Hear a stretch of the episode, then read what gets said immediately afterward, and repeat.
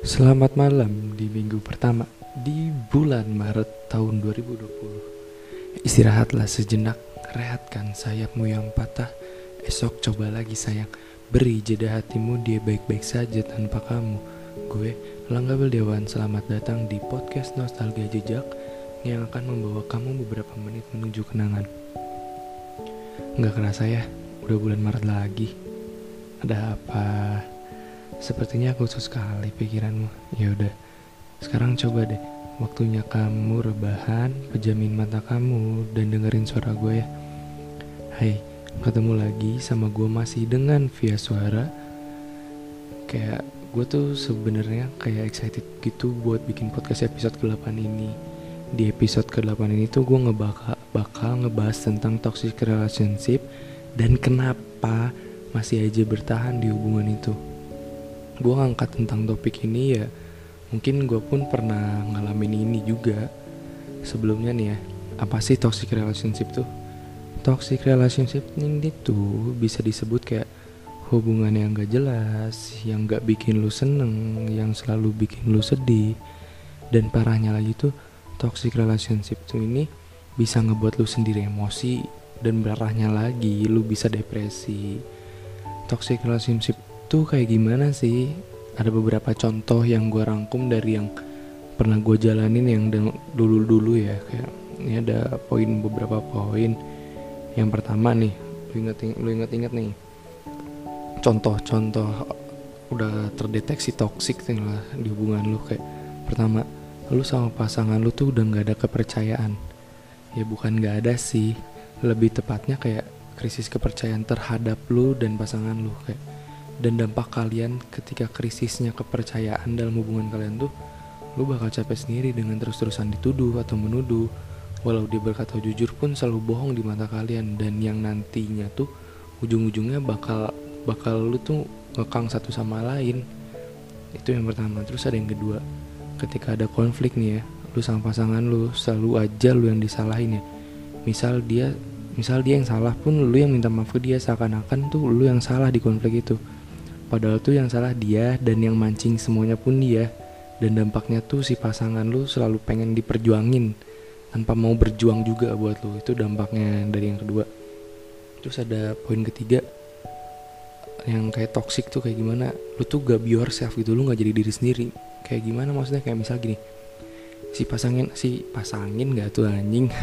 si pasangan lu tuh punya selera yang berbeda sama lu nih dan pasangan lu tuh pengen selera lu sama kayak sama dia tuh percis sama gitu. Jadi kayak kalau lu tuh pengen ngikutin lu tuh harus ngikutin selera gua gitu demi demi gua gitu. Apa pun selera itu entah selera penampilan ya musik ataupun yang lainnya. Kalau gue menurut gue stop jangan lakuin kayak gitu ya. Jadilah diri sendiri dan dampaknya. Kalau lu nggak be yourself tuh nggak diri sendiri nggak jadi diri sendiri tuh ini tuh lu seakan-akan memaksakan yang nggak seharusnya dipaksain gitu. Dan lu tuh pasti nggak akan senang atas yang lu jalanin kayak misal lu contoh dari pakaian lah. Lu cowok lu misal misal pasangan lu tuh lebih suka lu dia setelan yang kayak gini gini gini tapi ya lu nggak suka yang kayak gitu. Lu itu nggak ini tapi lu paksain. Ntar jadi malahnya nggak enak gitu. Terus ada poin keempat. Kayak memanipulasi lu. Manipulasi gimana sih? Kayak kayak pasangan lu nih ya misalnya pengen sesuatu yang harus didapetin tapi dia manfaatin lu buat bisa dapetin buat dapetin hal itu. Ya kasarnya lu tuh dimanfaatin. Dampaknya pun dampaknya dari poin keempat ini tuh bisa ngebuat pasangan lu tuh terbiasa untuk manfaatin lu terus-terusan tanpa memikirkan perasaan lu sedikit pun. Itu poin-poin yang bisa dimasukin contoh apa sih udah ciri-ciri lah ke toxic relationship menurut gua ya. Kalau misal lu pernah ngerasain yang lain juga ya it's okay dan kenapa sih nyinggung jelasin lagi dan kenapa sih lu tuh masih bertahan sama hubungan itu? Jelas-jelas emang seharusnya diudahin kan? Gue ngerangkum juga nih beberapa hal bodoh kenapa masih bertahan di toxic toxic relationship ini? Lu pasti jawab ya kan ada alasan tertentu yang nggak bisa jelasin ya iya emang iya bener. Ada poin-poinnya nih yang gue jelasin. Pertama sayang cinta. Ini hal pertama menurut gue yang berperan penting kenapa masih bisa bertahan di toxic relationship walaupun lu sering disakiti atau menyakiti kalau lu dengar pasangan lu tuh kalau lu dengan pasangan lu tuh masih saling cinta masih saling berusaha membuat bahagia lu akan terus bertahan sama dia. Tapi padahal lu tuh lu udah tahu itu tuh toxic banget gitu hubungan lu. Kedua kenapa lu masih mau bertahan dengan dengan hubungan itu? Lu takut pas kesepian pas lu misal mutusin dia atau ngeudahin hubungan lu takut kesepian yang kayak fase move on lah. Yang awalnya lu tuh sama pasangan lu tuh selalu ngabisin waktu bareng-bareng terus lu putus dan mengawali hari tanpa dia kan. Secara tidak langsung tuh lu ketergantungan dengan dia hingga akhirnya tuh lu gak bisa ngelepasin dia. Sampai-sampai lebih baik bertahan tapi kesakitan dibanding putus tapi mati. Ya gak sih?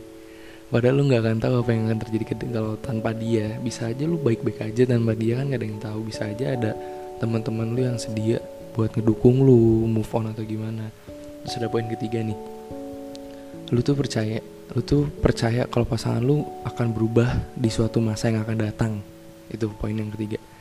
Kayak lu misal tahanlah sabar lu dia bakal berubah kok dia bakal kayak dia bakal baik lagi kok.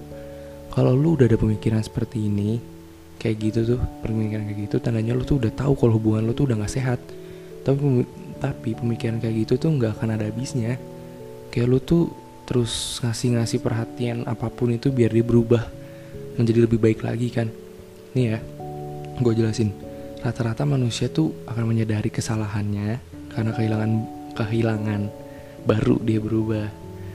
Sudahin aja agar dia belajar. Toh misal dia sayang pun akan balik ke lu sambil mengakui kesalahannya dan mencoba merubah. Jadi kalau lu misal terjebak dalam toxic hubungan toxic relationship ini tuh coba deh lu pikir beribu-ribu kali pantaskah ini dipertahankan dan jangan terlalu berpatokan ke pemikiran dia bakal berubah kok. Gue jelasin lagi nih kebanyakan orang akan berubah ketika dia merasakan kehilangan.